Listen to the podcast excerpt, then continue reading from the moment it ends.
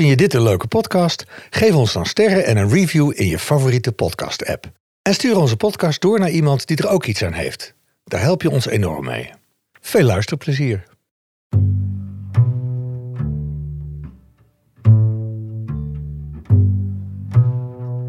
Dit is De 100 Vrouw van Marcel door Marnix van Wijk, Pablo Cabenda en Marcel Musters.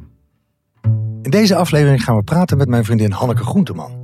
Anneke Groenteman, de talkshow-host. de Dit jaren ook zo 80. host. En eh, ook Journaliste. actrice en journaliste. Actrice en, eh, ook. Nou, zij heeft met mij eh, een voorstelling gespeeld, Sex Appeal, bij Mug met de Gouden Tand. Een jaar of tien geleden, denk ik. Toen was al in de zestig, haar eerste toneelervaring. Geweldig. Daar Ja. gaat ze over vertellen. Dat hoop ik, ja. Nou, ik ben benieuwd. En echt een durval is het, hoor. Echt een durval. Nou, we gaan het horen. We gaan het horen.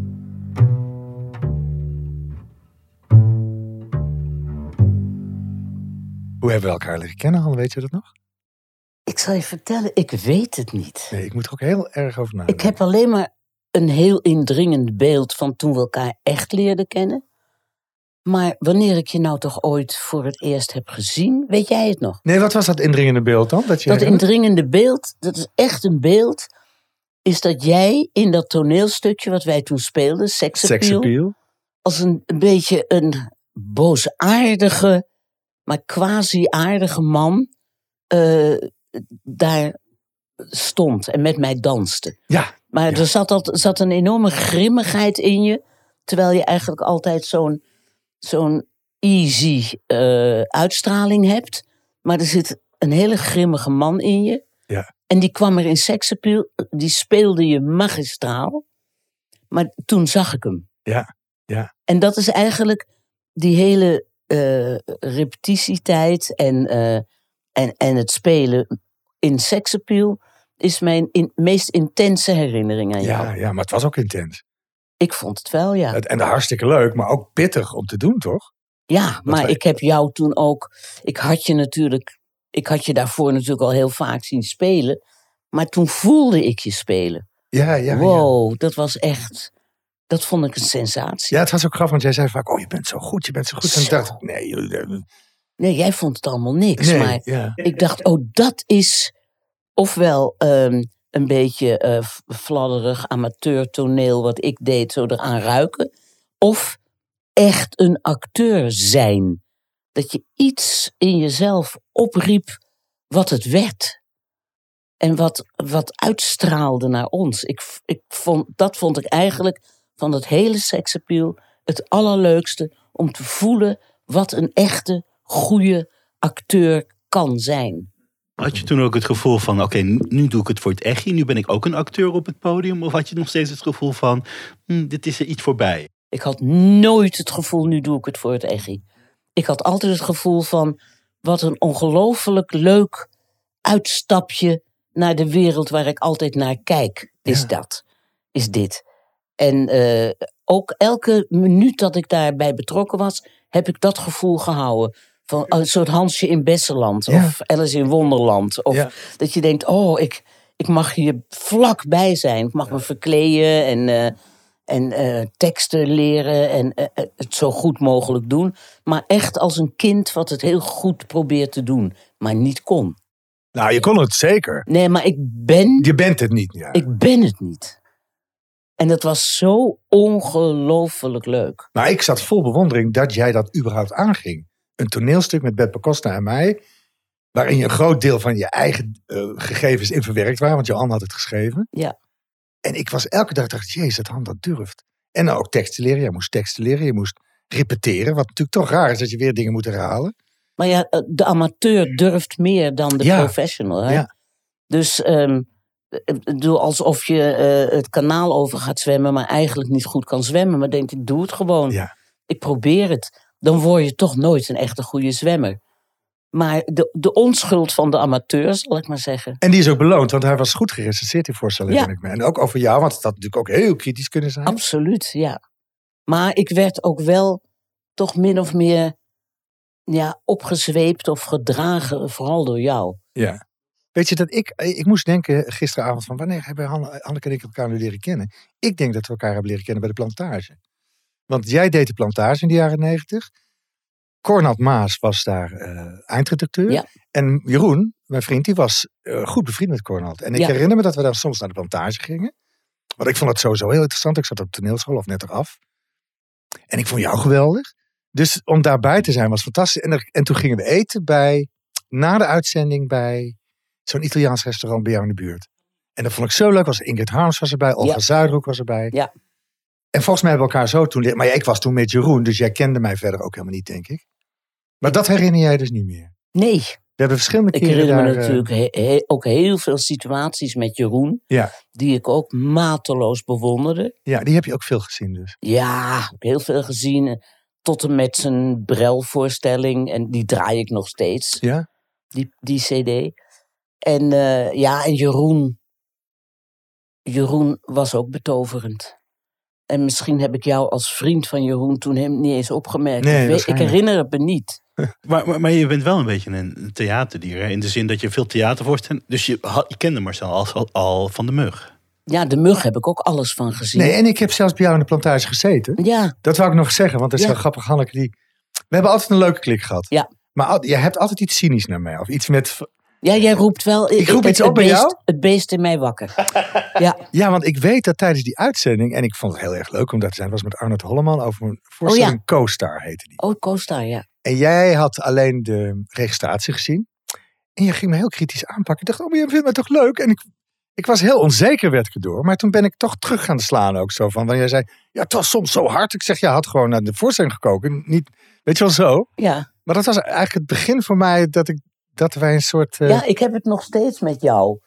De- omdat jij altijd zo, ehm, zo met van die kinderogen heel serieus weer kan zeggen: Ja, maar ik ga mijn leven helemaal veranderen. Ik ga nu ook. de- ik, ik rook nu nog even, maar eh, dit is de laatste. Ik ga. Dat is even een uur Hij geleden. heeft net een, een sigaretje opgestoken. nou, z- zeggen. zijn zesde sigaretje. Nee, ja, maar dat komt omdat hij iemand had check laten liggen hier. Oh, daar komt het. Carlos, Ja, ja. ja, tuurlijk. Ja, Carlos. maar nee, maar jij hebt altijd over alles van nee, ik ga nu echt nooit meer dat en dat doen. Ja, en dan komt er in mij een, een cynicus, een liefdevolle En wat is dat cynicus. dan? Waarom ben je daar cynisch over? Waarom denk je niet van, goed dat hij dat gaat proberen?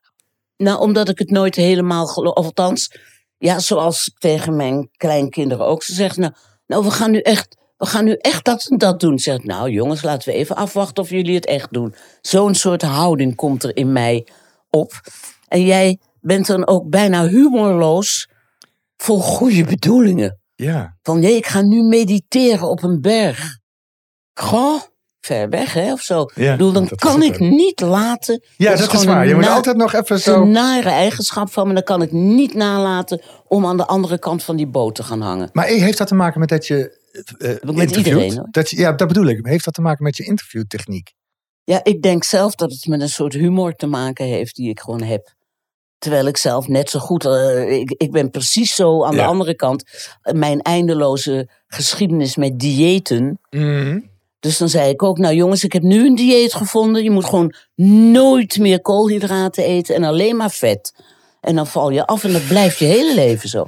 Kan ik precies zo doen als jij ook over allemaal dingen. Ja, ja. Dus als mensen dan tegen mij zeiden, eh, nou, volgende week heb je weer een ander dieet hè, en ben je weer dik. Dat, dat pikte ik dan weer niet. ja. Want ik ben ook heel kinderachtig. ja, jij hebt ook iets kinderachtigs. Heel Leuks, erg. kinderlijks. En ook van, nou, dit zo, ja, Ja, v- eh, verongelijkt kan jij soms zijn. ja alles. Ja. Beledigd, onge- verongelijkt, eh, lange tenen. Wat ik, eh, ja, Het is wel grappig, want je, aan de ene kant wil je je uitspreken, maar heb je ook lange tenen. Het, Ja. het is niet zo dat je veel kan hebben dan. nee, ik kan helemaal niks Nee. hebben. Nee. Als jullie zo met elkaar praten, dan lijkt het of jullie gewoon een ontzettende hekel aan elkaar hebben. Maar toch vinden jullie ontzettend, elkaar ontzettend aardig. Ja, waar, ligt, waar ligt dat dan aan? Ja, ik, ik ben gek op Marcel. Hanneke noemde mij toen bij die plantage later, toen ik daar vaker kwam, te zei, oh, daar heb je de bouwvakker. Of, de, of de, de, er is mijn eh, vrachtwagenchauffeur, zei je. De vrachtwagenchauffeur. Ja. Zoiets. Ja, ik vond. Marcel dat net een soort betrouwbare met grote arm. Vind, vind hem ook een heel betrouwbare uitstraling hebben. dat ben je ook trouwens. En een hele gestalte ook, heel betrouwbaar en heel lekker. Heel fijn om tegenaan te zitten. En ik, ik associeerde jou niet met een bouwvakker. Die vind ik. Ja, ja, ja. Nee. Ik zei altijd een vrachtwagenchauffeur. En daar heb ik een goede associatie mee.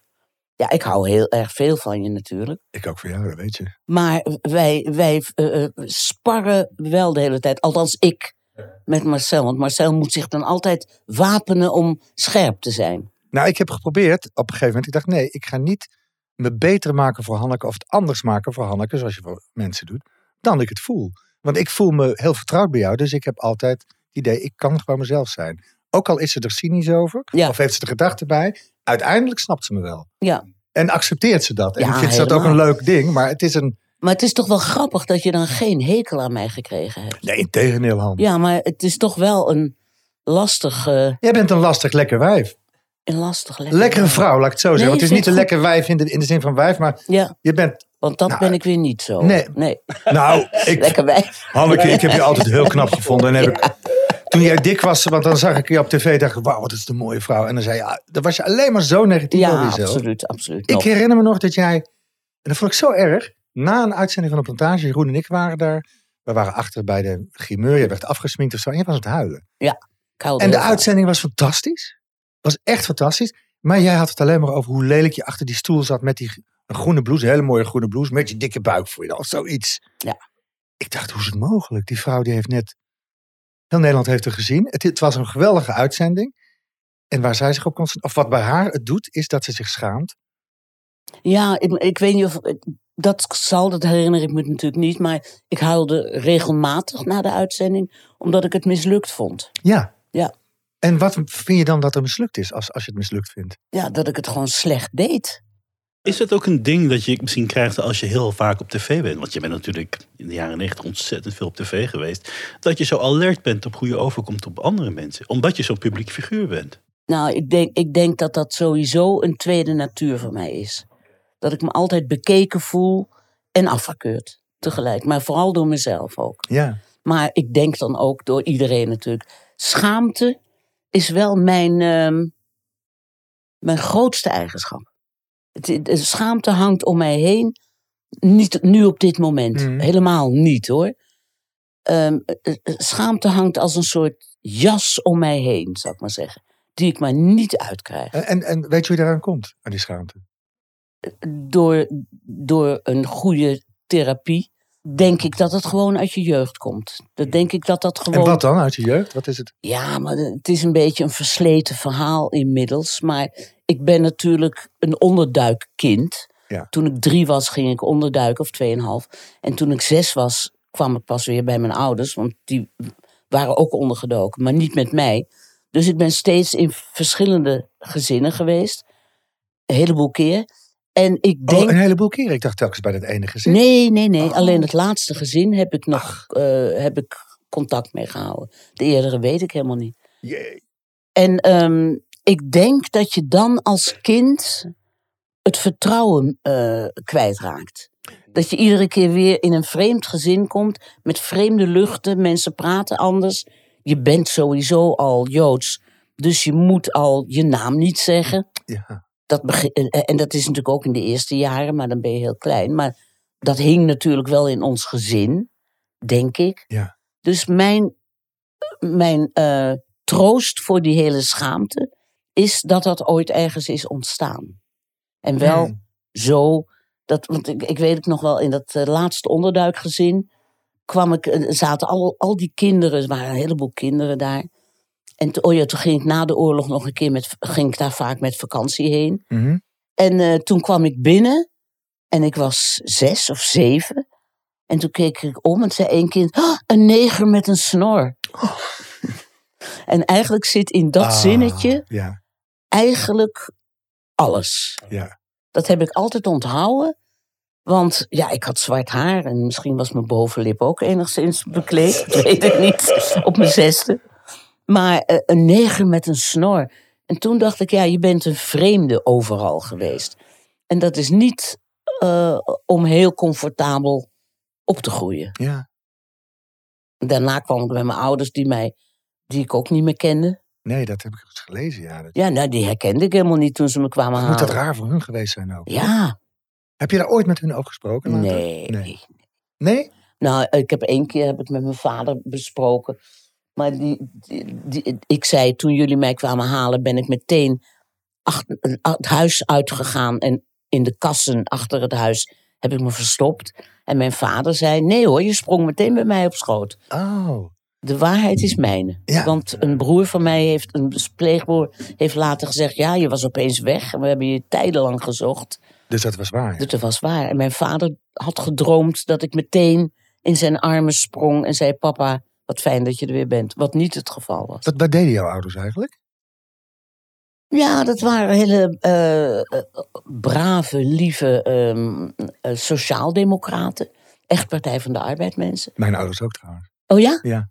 En mijn vader werkte bij, uiteindelijk, eerst had hij helemaal geen werk en was heel ziek uit de oorlog gekomen. Maar uiteindelijk werd hij, werkte hij bij een bank en dan werkte hij op de beurs. Beheerde hij portefeuilles voor klanten. Dus alsmaar handelen op de beurs. Terwijl het ook een hele zenuwachtige man was. Dus hoe hij dat voor elkaar heeft gekregen, alsmaar voor die mensen de koersen bijhouden en verkopen of niet verkopen. En mijn moeder, die, eh, ja, die was voor de oorlog eh stenotypiste geweest. En die is dat na de oorlog af en toe ook weer gaan doen. En later bij het Parool, waar ik toen ook mee gaan werken. En, en die interesse in kunst van jou, of dat jij dit beroep bent gaan doen, hoe, hoe is dat gekomen dan?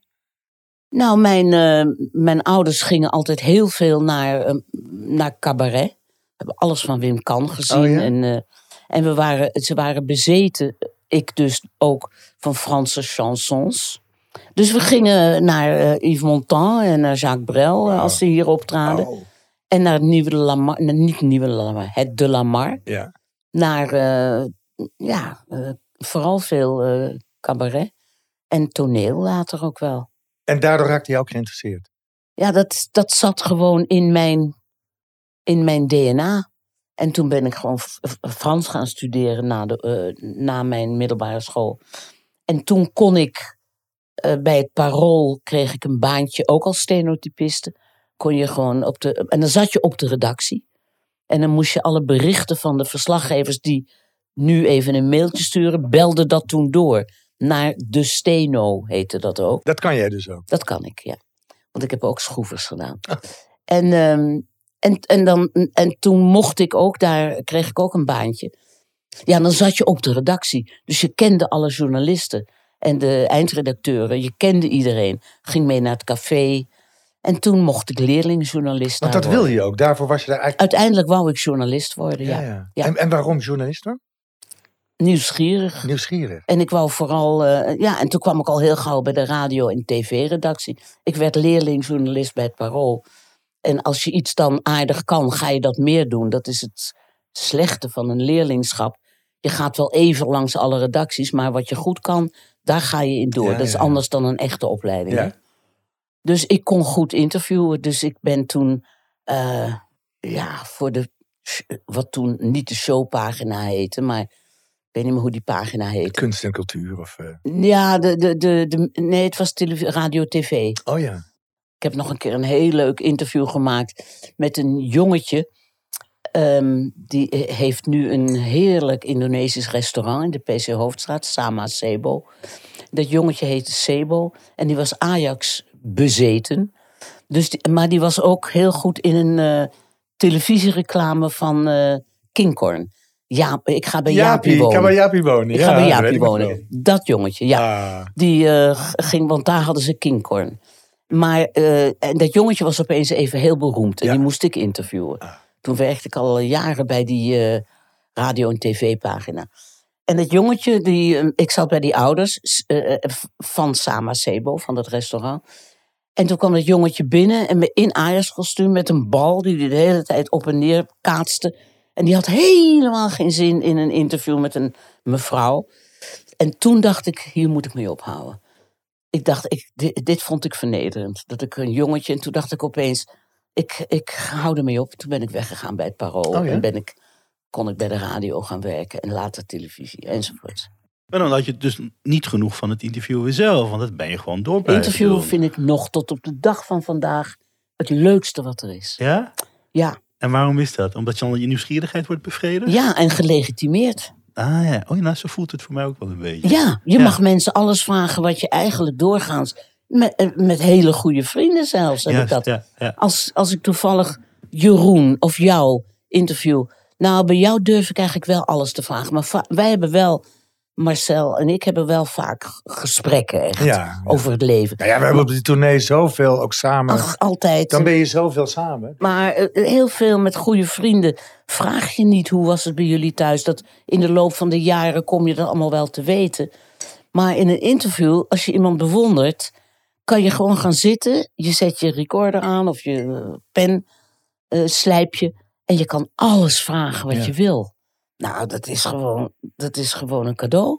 Het voelt als een soort van shortcut naar intimiteit Ja, eigenlijk. een hè? shortcut vooral. Maar ja. wat, wat ik dan wel, heel bijzonder vind, want ik begrijp dan dat je het interview heel erg leuk vindt, dat je het journalistiek werk heel erg leuk vindt. Maar vervolgens ga je het ook op de radio doen en daarna ook op tv.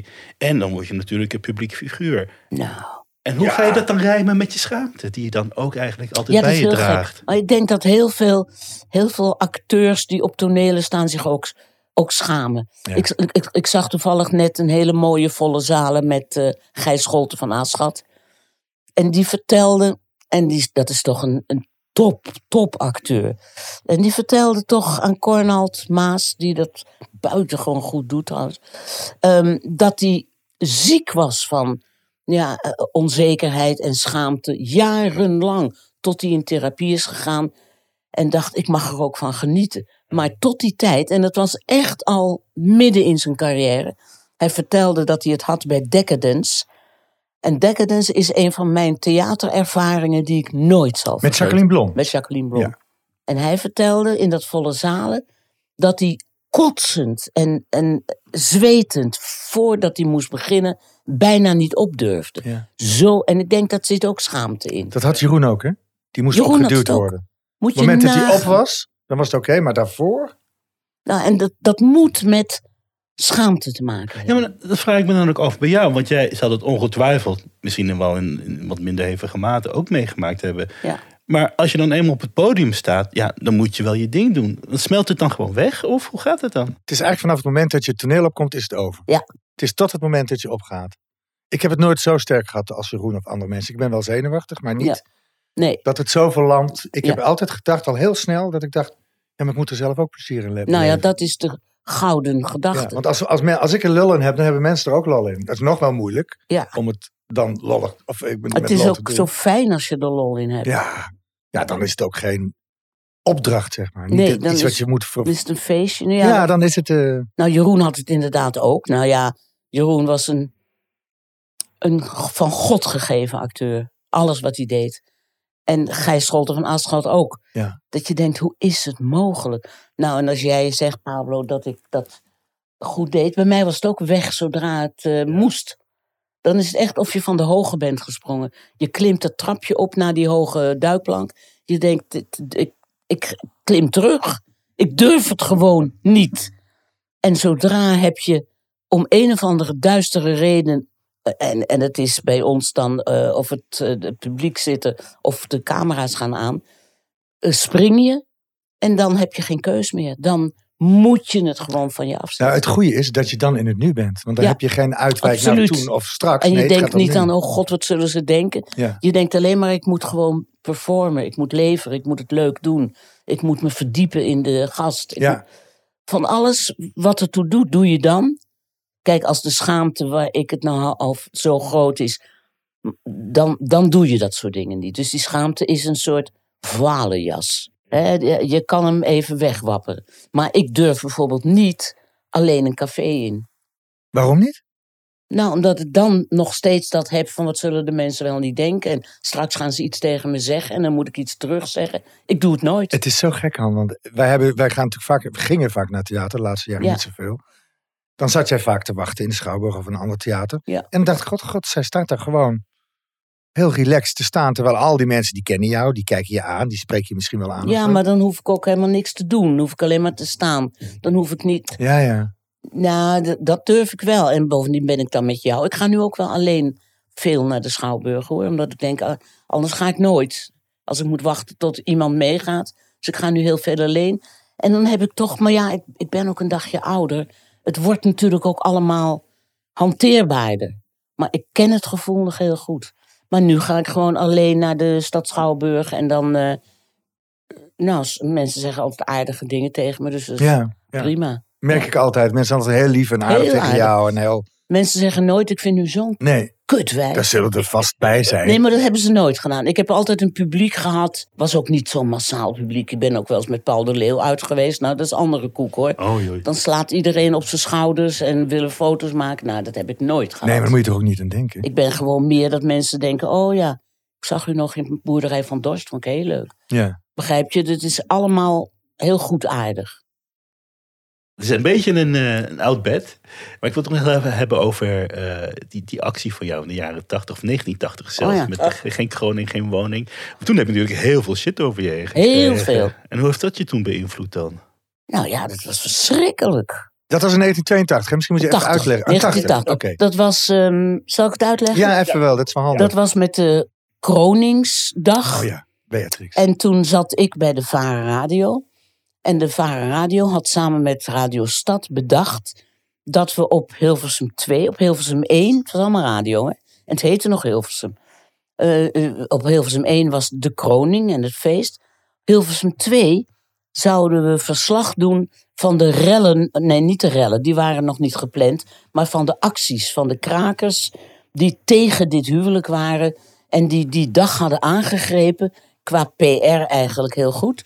eh, om eh, hun point over, het, eh, over de leegstand van de woningen in Amsterdam. En zij waren krakers en de woningen stonden leeg. En ze hadden de leus: geen, Geen woning, woning, geen geen, kroning. kroning. Ja, weet ik Nou ja, dat was allemaal. en, en ze hadden die actie breed aangekondigd.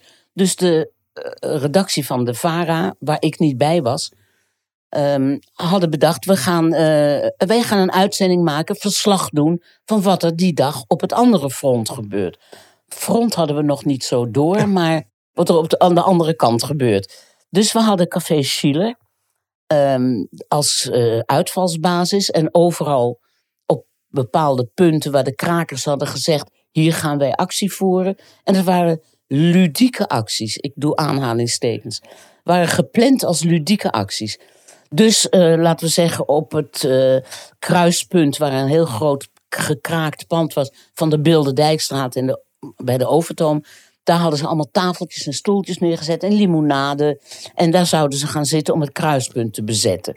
En dat was bij een heel groot eh, kraakpand. En zo hadden ze verschillende panden in de stad, punten in de stad, waar die krakers dan ja, actie zouden voeren. Maar niet, de bedoeling was eigenlijk niet wat het uiteindelijk geworden is, gewelddadig. Dus, maar ja, goed, de politie, die heel slecht georganiseerd was en slecht communiceerde. politie had daar helemaal geen zin in. Die gingen meteen er keihard tegen inrammen. Dus dat werden gigantische vechtpartijen. Want die krakers waren ook niet voor de poes. Die hadden koevoeten en dingen en eh, matrassen. En die hadden, die hadden hun wapens. En het was, no het was volgens mij niet echt bedoeld om een confrontatie met de politie. Maar dat werd het in hoge mate. Waardoor er een hele grimmige, totaal grimmige sfeer op veel punten in de stad. En aan de andere kant die koets en die, uh, dat huwelijk. En ik, mijn rol was het presenteren. Het, uh, de enker zijn van ochtends 7 tot 12 uur. En dan zou Paul Witteman het overnemen. En ik met een hele uh, brave man van Radio Stad, die is dood, Frits Visser. Wij samen zouden het presenteren en schakelen naar die punten. Maar ik was daarvoor drie dagen in Londen geweest en was totaal verliefd op iemand. Op een vrouw trouwens. Oh? Ja. Dat ja, is hebben voor jou, straks. hè? Ja. Uh, heel verliefd kwam ik terug. En uh, ik was de avond daarvoor teruggekomen. Had de besprekingen helemaal niet meegemaakt. Kreeg gewoon een draaiboek. En fietste s ochtends om zeven uur van mijn huis uh, naar Chile. En was al ongelooflijk geprikkeld door het feit dat je overal pasjes moest laten zien. Want je kreeg geen doorgang zomaar. Dus ik had een perskaart. En, en, en er hingen alsmaar helikopters boven de stad. Want die krakers. Nou ja, en toen. En dan krijgen we eigenlijk waar we het eerder over hadden. Dat ik met Marcel altijd zo quasi grappig uh, van katoen geef.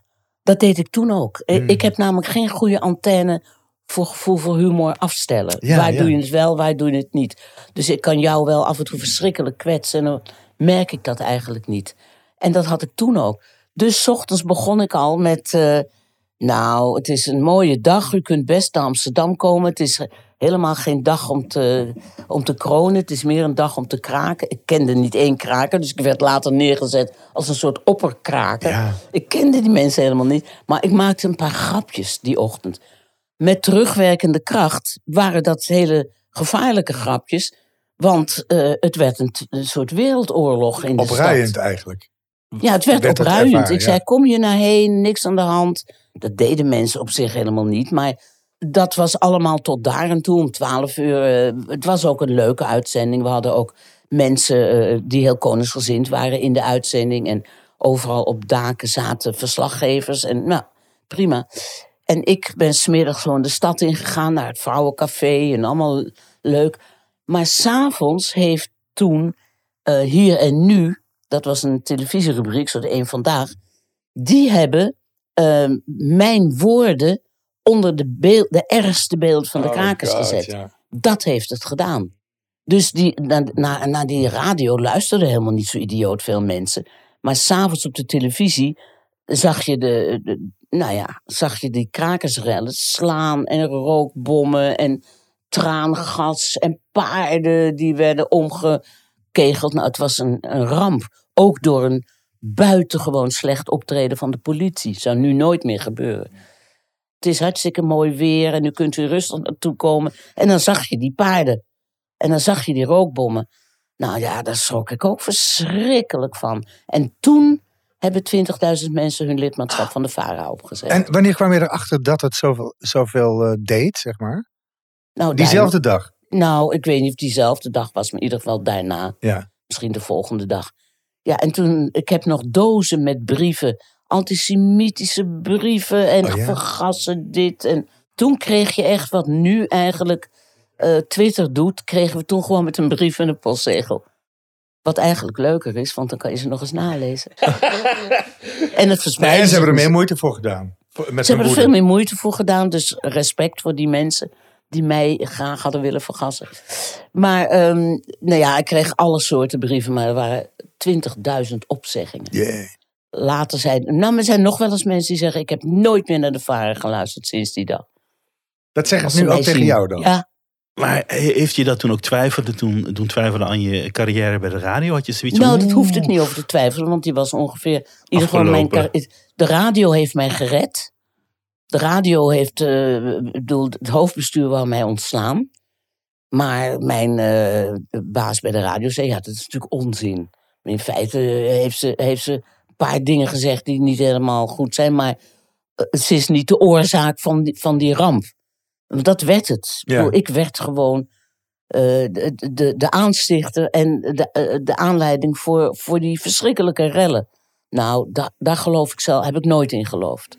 Dat, dat, dat zat dieper en dat was meer. Tuurlijk. En dat is ook televisie geweest. Maar goed, en toen wou ze me ontslaan, dat is niet doorgegaan. Dus ik ben gewoon bij de radio blijven werken. Maar op een gegeven moment kwam de mogelijkheid dat ik televisie ging doen. Hoe kwam dat, die mogelijkheid? Werd je gevraagd? Nee, ik, eh, ik wou zelf graag naar de televisie.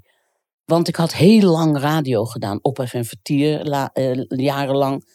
Wat eigenlijk later de plantage is geworden, was precies hetzelfde programma. Ja. En toen, ehm, en Marcel van Dam was toen onze baas en die zei: Nee, de, Vara eh, zal jou nooit op de televisie eh, ruimte geven. Want 30 april hangt altijd aan je. En dat is, niet, eh, dat is niet wat wij willen uitstralen. Dat begreep ik. En toen zei, zei de VPRO, maar kom bij Ik kende Roelof Kiers, de baas van de VPRO toen, van de televisie. En die zei, oh, maar ik weet zeker dat jij een heel leuk televisieprogramma kan maken. Kom maar bij ons. Die zaten er niet mee. Nou ja, die was ook niet te varen. En dat is de plantage geworden. Ja. Wat een enorm succes was, hè? Met terugwerkende kracht nog steeds. Want iedereen Ja, kent de naam in ieder geval de Ja, plantage nog. ja. is toch bijzonder? ja, heel bijzonder. Ik denk niet dat het een enorm succes was. Het is een kunstprogramma. En Ja, maar het was een succes in zijn genre. in zijn genre Want zeker. iedereen Ja. in de kunstwereld, Ja. en ook mijn moeder en mijn tantes, die keken naar de plantage. Ook om, vanwege de tijd. Ja, maar die tijd was er omdat niemand, geen enkele omroep wou die tijd vullen. Dus Roelof Kiers zei, ik heb een uurtje over om vijf uur. eh, niemand wil het. Nou, ga maar kijken wat je doet en doe het precies zoals je wil. Dus eh, ik had Cornald meteen als eindredacteur, want dat was al mijn vriend. Ja, oh, jullie kennen elkaar al. Nou, oh, van Paul de Paul de Leeuw natuurlijk, van ja, Paul de Leeuw, redactie. waar we in de redactie zaten. Ja. En ik had meteen gevraagd aan Doreen de Vos. Ehm, dat is de vrouw die Hotel New York Ja, helemaal vorm heeft gegeven. En nu Villa Augustus in Dordrecht. En de, de Hotel New York was toen, dat is het niet meer, maar toen een soort, een soort paradijs om in te zijn. Van smaak en vrolijkheid en leuk. In de Rotterdam, hè, Hotel ja. New York. En lekker. En ja, lekker, maar vooral hoe het eruit zag. Overal verschillende stoelen, alle kamers. Nou, en ik heb Doreen gevraagd: zou jij voor mij een, een omgeving willen maken? In de, het was ook in de plantage. Hè? Ja. Eh, ja, waar je graag zou willen zijn. Nou, dat werd de plantage en dat was volgens mij een groot deel van het succes. Ja, denk ik ook. Ja. Hoe is dat met jouw leeftijd eigenlijk? Want jij bent nu 83. Ja. Eh, eh, hoe- hoe- Wat voor invloed heeft het ouder worden in de laatste 20 jaar in je leven gehad?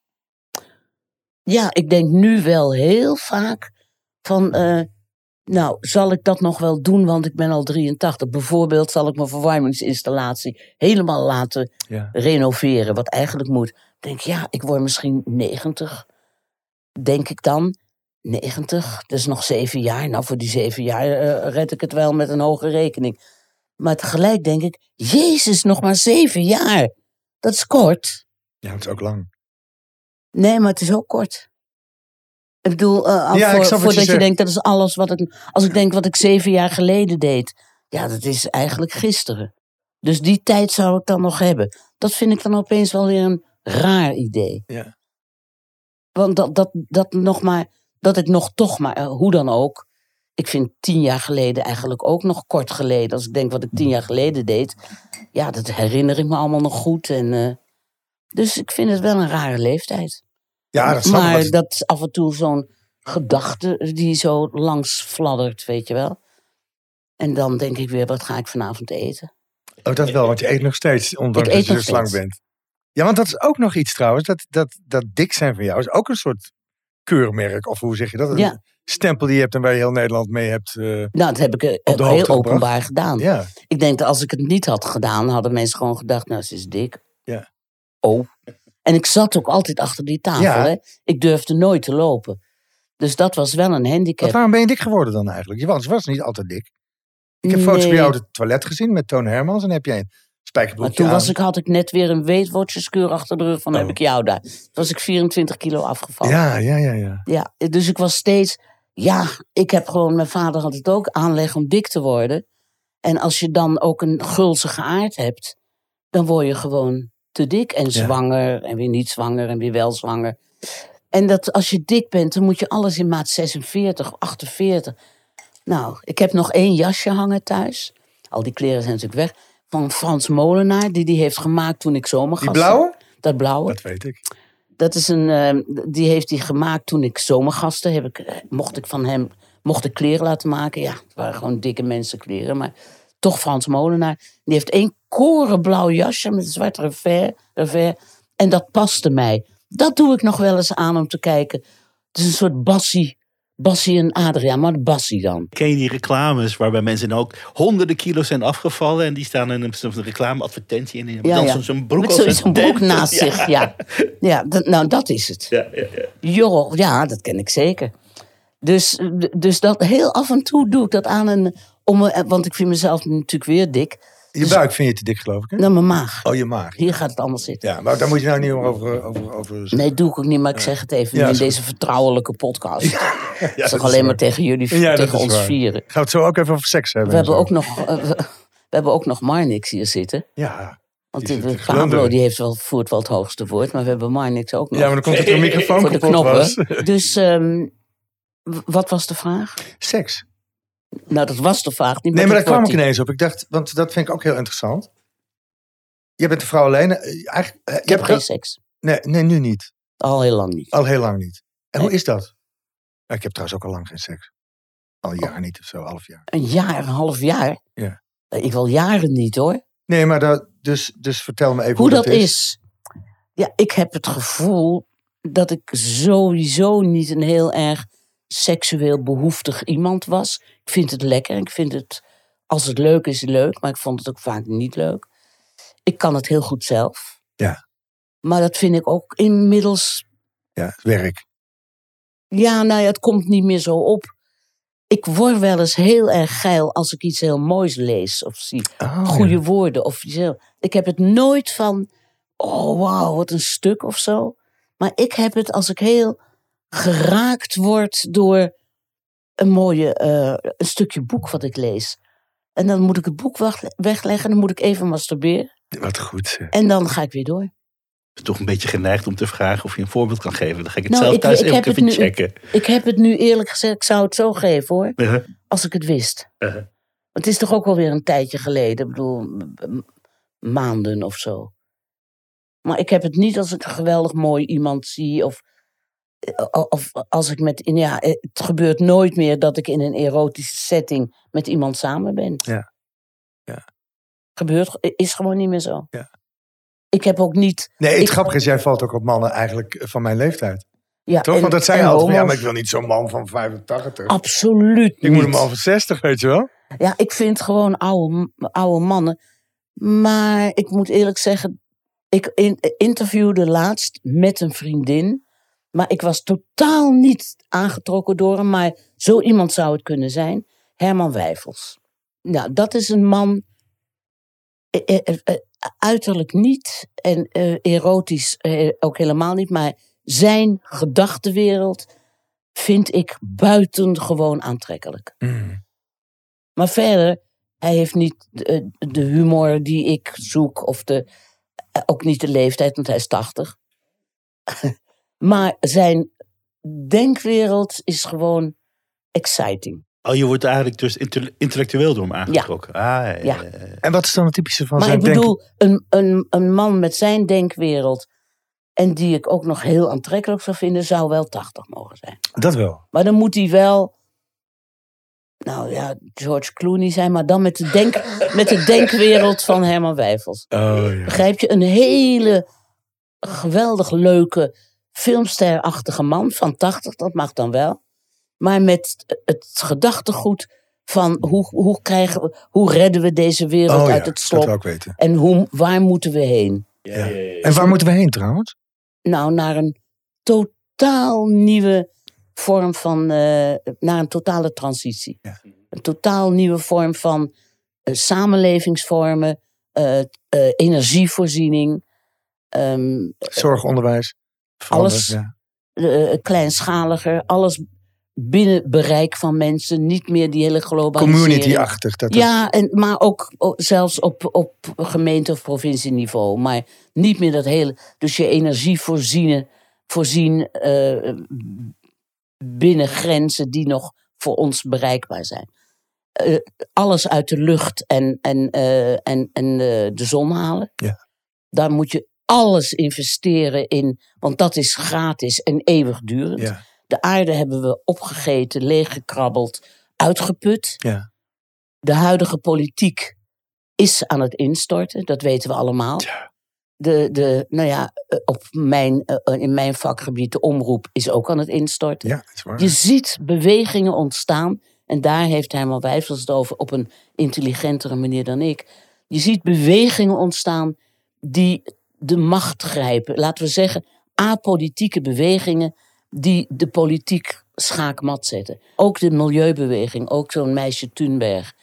Ehm, je, en hij zegt, wij worden nu zo hardhandig gewezen op de noodzaak. Er was gewoon, hij zei het twintig jaar geleden ook al, toen hij bij de Rabobank zat, daar weg is gegaan omdat die bank niet mee wou in de vergroening en in investeren in kleinschaliger dingen dan wat ze nu doen. Hij is toen als CEO opgestapt. Want hij won het niet met zijn idee. Wat goed dat hij dat gedaan heeft. Ja, trouwens. maar hij is ook bij de Wereldbank geweest en Mhm. hij is formateur geweest. Het is een groot man Ja. maar ook een ongelofelijke aardige man en bevlogen. Dus hij zegt, de stemming was er niet naar. Iedereen zei nee, dat kost allemaal veel te veel geld en we moeten gewoon geld verdienen. De welvaart heeft ons natuurlijk verblind. Ja. De welvaart die is opgebouwd in de afgelopen decennia of na de industriële revolutie. Alles is gericht op meer geld verdienen, efficiënter worden. Het onderwijs is alleen maar gericht op hoe maken we goede, goede eh, werknemers. De hele eh, boerenstand is alleen maar gericht op hoe maken we van een koe een goed industrieel product. Hoe maken we meer, meer, meer. Nu, door het, het klimaat, door de stikstof, door alles wat ons nu, eh, wat nu op ons pad komt, Ja. schrikken we. Ja. Zetten we de verwarming lager. Nu worden de geesten rijp en dat maken wij niet meer mee. Zei. Ik zei, Herman, maak ik dat nog mee? Hij zei, waarschijnlijk niet, maar het doet er ook niet toe. Het gaat om de volgende generaties. Het gaat om de planeet natuurlijk. Of, of we dat binnen vijf jaar halen, dat kan haast niet. Want de politiek is nog aan zet. En verknalt de hele boel nog. Han, ik wil nog even over de liefde door. Ja. Je, je bent, ben je altijd alleen geweest? Want je hebt je kind alleen eh, gekregen en opgevoed. Nou, ik heb altijd een fantastische eh, vaardigheid gehad in het kiezen van mannen die niet helemaal voor mij kozen. Ik ben getrouwd geweest, tien jaar, met Erik. Ach ja, natuurlijk, Erik. En eh, die is nu ernstig ziek, maar wel mijn beste vriend altijd gebleven. Tot op de dag van vandaag. Ehm, maar een huwelijk was het niet meer. En toen heb ik daarna een paar grote liefdes gehad. Misschien twee, één hele grote. Ben ik drie jaar mee geweest. Koos uiteindelijk toch ook voor andere vrouwen. Dat verdroeg ik niet. En, ehm, en een hele grote liefde was, eh, die helemaal niet voor mij koos. Maar wel met mij vree. eh, de vader van Gijs. Je zoon. Ook dood. Ja, onlangs, een paar jaar geleden. Hè? Ik heb een slagveld van, ja, Ja, maar hoe is dat, Han, als je ouder wordt? Dat had ik met hun heel over. naar, heel naar. Want ik, ik maak natuurlijk ook al veel mee dat heel veel mensen overleden zijn voor me. Maar nou, dat wordt. grote liefde, Oh ja, inderdaad. Jeroen. Ook. Ja. En mijn moeder en mijn vader en vrienden en zo. Maar Ja. naarmate je ouder wordt, gaan ook je vrienden dood. ja, vaders en moeders, dat hoort dat erbij. hoort erbij, hè? En Ja. daar moet je ook verdrietig over zijn en goede herinneringen aan hebben. Maar je vrienden is verschrikkelijk. ja. Dat is opeens... En zeker vrienden waar je een stukje van je leven mee ja. deelde. Zoals Ingrid, Ingrid Harms. Nou, dat is Je goede vriendin. verschrikkelijk. Verschrikkelijk. Echt, ja, er, is niks, niks leuks over te zeggen. Nee, maar hoe deel je daarmee? Want het zijn er Ja, veel in jouw de tijd omgeving. deelt ermee. Ja. Eerst denk je, ik ga even naar Ing. Oh nee, dat kan niet. En steeds minder denk je dat. En dan hou je vast haar vrouw, wat ook een engelachtig iemand Ja. is. En ehm Hedda, mijn beste vriendin, waar ik altijd mee met vakantie ging. En eh, ja, sinds die dood is, ga ik ook eigenlijk niet meer met vakantie. Mm. Ik denk dat we de laatste vraag doen. Ja. Of heb je nog leuke dingen om te vertellen waar je dacht, oh, dat had ik willen vertellen? Ik had heel graag willen vertellen dat ik zo geniet van het doorgeven aan leerlingen van interviewtechnieken. Ja, Dat wou ik even. en dat doe je al jaren. Want toen Al wij jaren. met sekspiel bezig waren, deed je dat ook al. Oh ja? Ja, met, samen met uh, Joeke Veninga. Veninga. We doen het nu eh 15 jaar. Maar eh, dat is het allerleukste wat ik ooit heb gedaan. Dan, dan hoef je zelf niet meer te presteren. Je moet het goed doen. Maar we hebben gewoon een goed programma van één dag. En, eh, en de mensen gaan altijd, ja, voor zover wij weten, heel erg vervuld naar huis. Van, oh, dit was zo goed om te weten. En handige tips. En ja, we gaan dat, want allemaal podcastmakers ook. Hmm. Maar ook rechters en advocaten. We hebben heel veel klanten. En als Joeke en ik dan gewoon van hot naar her, er- want zo praten wij, gewoon vertellen van dat moet je niet doen, want dan gebeurt er dat. En we laten die mensen elkaar allemaal interviewen. En dan luisteren we dat af. En dan leggen we op elke slak zout. Dat vertellen we zo ook van tevoren. Ja. Van laat je niet ontmoedigen. Maar iedereen maakt altijd dezelfde fouten. Of, of af, je, hebt, je hebt patroontjes. Nou ja, en dan zijn Duke en ik aan het eind van de dag moe, maar zo tevreden. Ja. En dat vind ik het, het gewoon het veel leuker nog dan een televisieprogramma. Dat gaat, binnenkort zit ik weer in een televisieprogramma. Daar zie ik eigenlijk wel weer een beetje Wat dan? tegenop. Nou, dat kiespijn doen we altijd Oh ja. voor de verkiezingen. hè? Ja. Zo'n quiz van vijf keer. Ja. Maar dan denk ik, oh, wat moet je aan? En eh, ben ik wel leuk genoeg? En ik weet zo weinig. Het is Maar minder presteren, denk ik. Veel, Het is gewoon je ervaring eh, presteren. En presteren doen we. Ja. Wij, wij hoeven ons daar helemaal niet voor te schamen. Maar je, je, je bent volkomen ontspannen. ja. Oh, het is, toch het belangrijkste, dat je eigenlijk ontspannen bent Dat je werk. ontspannen bent, ja.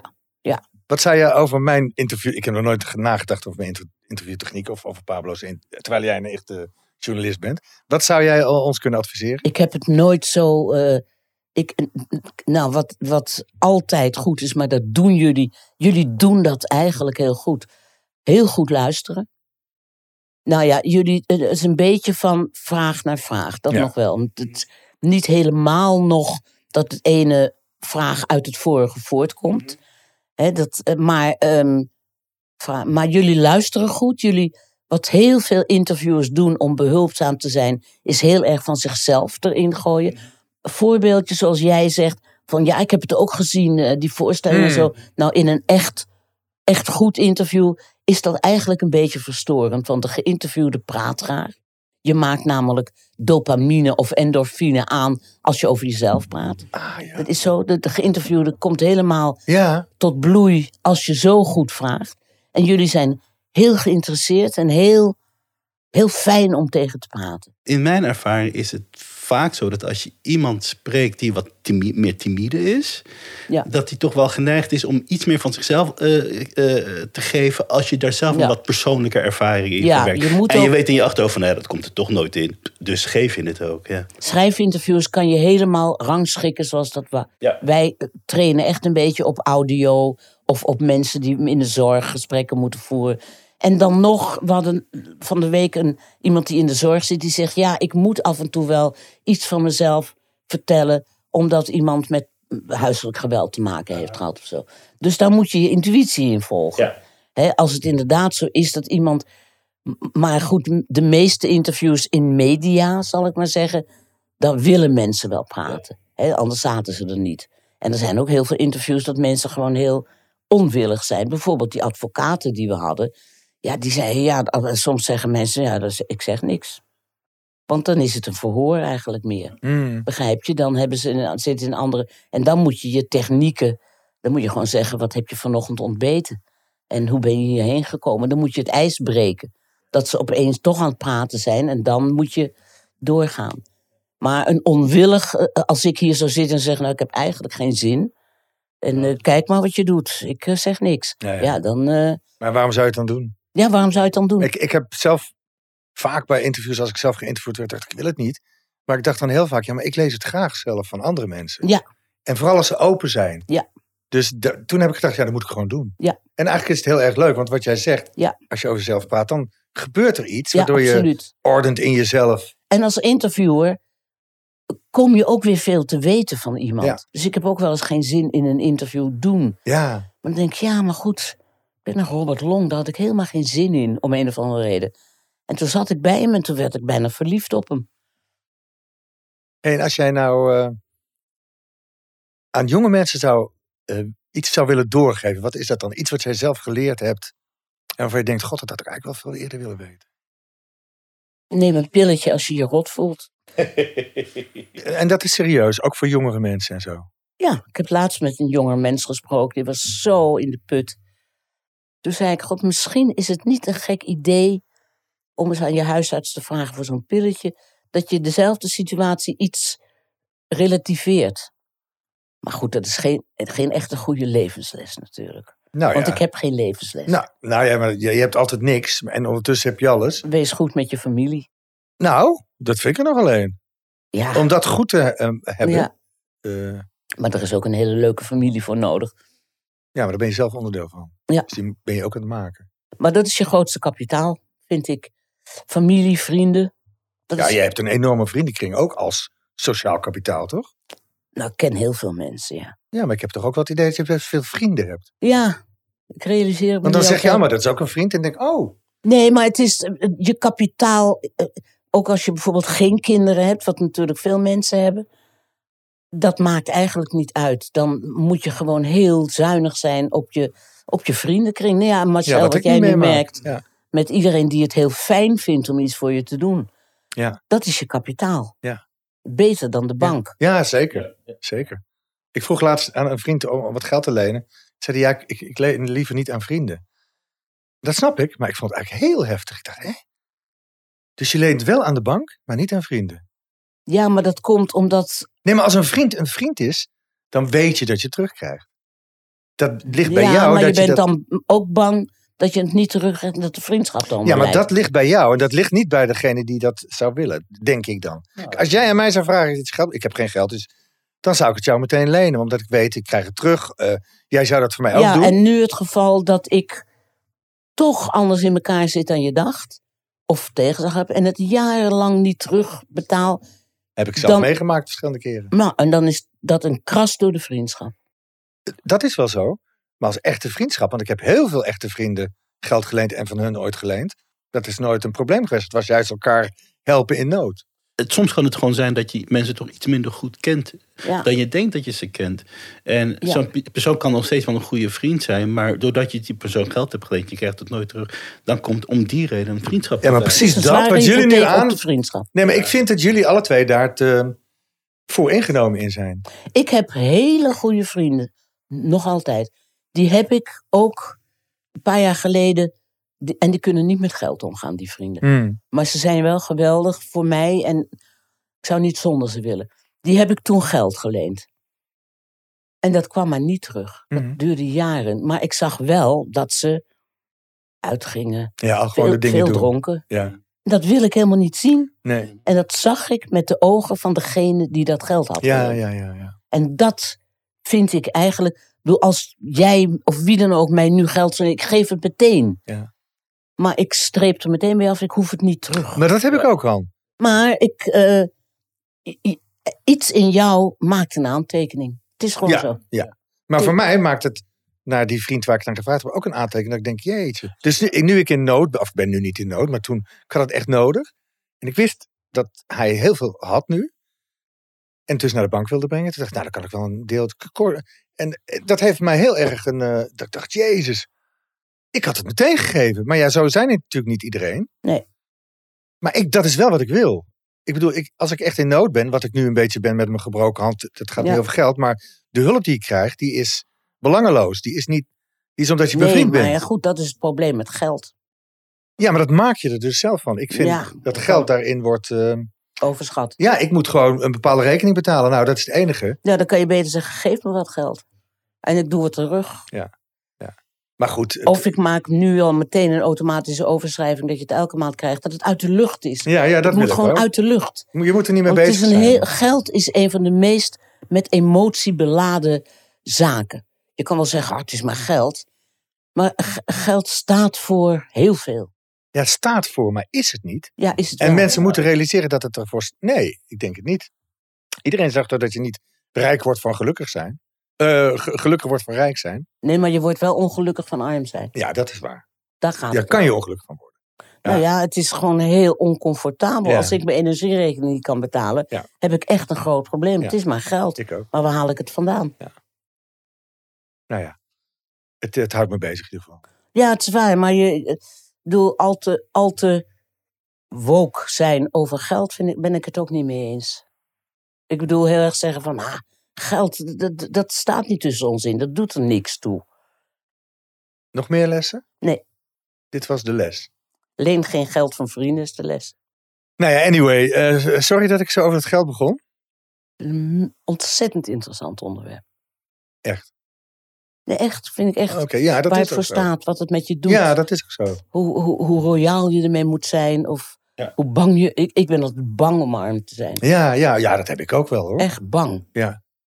Ik, word van weinig... Als ik nu kanker zou hebben, zou ik niet zo erg vinden. Maar arm vind Ja. ik verschrikkelijk. Ja. En we gaan het toch wel met minder moeten doen allemaal de komende jaren, denk ik. Ja, goed, als we het allemaal doen, Ja. vind ik het niet erg. Ja. Ik vind het ook helemaal niet erg om het iets kouder thuis te hebben. Nee, of om mijn auto weg te doen. Maar eh, eh, gewoon arm zijn. Denk, zoals mensen die nu arm zijn. Ja, dat is verschrikkelijk. Dat is, dat is hartverscheurend Ja. en nerve-wracking. Maar hoe heeft het zover in Nederland kunnen komen? Hè? Echt ongelooflijk. Want als ik denk aan de jaren tachtig, toen ik jong was, dacht ik dat het alleen maar beter zou worden. Nou ja, dat is waar we nu mee zitten. Ja. Zover is het gekomen. Ja. Dat de kloof dieper is geworden, de aarde armer. Sommige mensen rijker en heel veel mensen armer. Sommige mensen, heel veel mensen rijker. Nou ja, Dus Ja. dat is, wat is, kom ik terug op Herman Wijfels. Zo keert de wal het schip op een gegeven moment. Op een gegeven moment wordt iedereen socialist. Dat hoop ik. Als je nu de VVD'ers hoort van we moeten misschien toch dat privatiseren een beetje afbouwen en weer nationaliseren. denk ik, goh jongens, welkom in de Ja, maar daar hebben ze wel zoveel eh, damage eh, gedaan al intussen. Vind ik echt heel moeilijk hoor. Ik ga Partij voor de Dieren stemmen. Doe ik al jaren. Waarom doe Pa- Partij voor de Dieren? Nou, ik las nu het interview met die Esther Ouwehand. Ik dacht, ik ben het in alles met je eens. Ik ook. En de, de hele, eigenlijk door de coronacrisis Ja. ben ik het ook. Hè. Ja, ja, Zij- ja. Zij zeggen, zeggen dat al, al, zolang ze bestaan. Ja. De en het de omgang met dieren. Ja, er is eigenlijk, eigenlijk niks wat ik op ze tegen heb. Nee. Dus ik begrijp niet goed waarom ik niet altijd op ze gestemd Nou, heb. de naam denk ik. En de, de, wat er omheen hangt. Het idee van veel mensen. Ja, dat vind ik eigenlijk stom van Is mezelf. ook stom. Maar daarom is het goed dat er steeds meer mensen dat wel gaan doen. Ja. Nou, ik, ik geloof, ik, eerlijk gezegd heb ik het gevoel dat ik alles wat ik weet en ben nu gezegd heb. Nee, dat is niet waar. Want ik heb nog heel veel dingen in mijn hoofd die ik eigenlijk had willen vragen. Maar dat doen we dan de volgende keer. Oh, Oké, Dankjewel man. jullie bedankt. Dit was de 100 vrouwen van Marcel met Hanneke Groenteman. In de volgende aflevering gaan Roos Slikker en ik praten met Joke Leenders. De major Boshart van de Verwenzorg. En de Verwenzorg is een initiatief om mensen die weinig aandacht krijgen en veel zorg nodig hebben, te verwennen. Met grote en kleine dingen.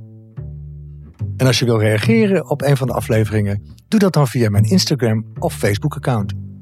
Tot de volgende keer.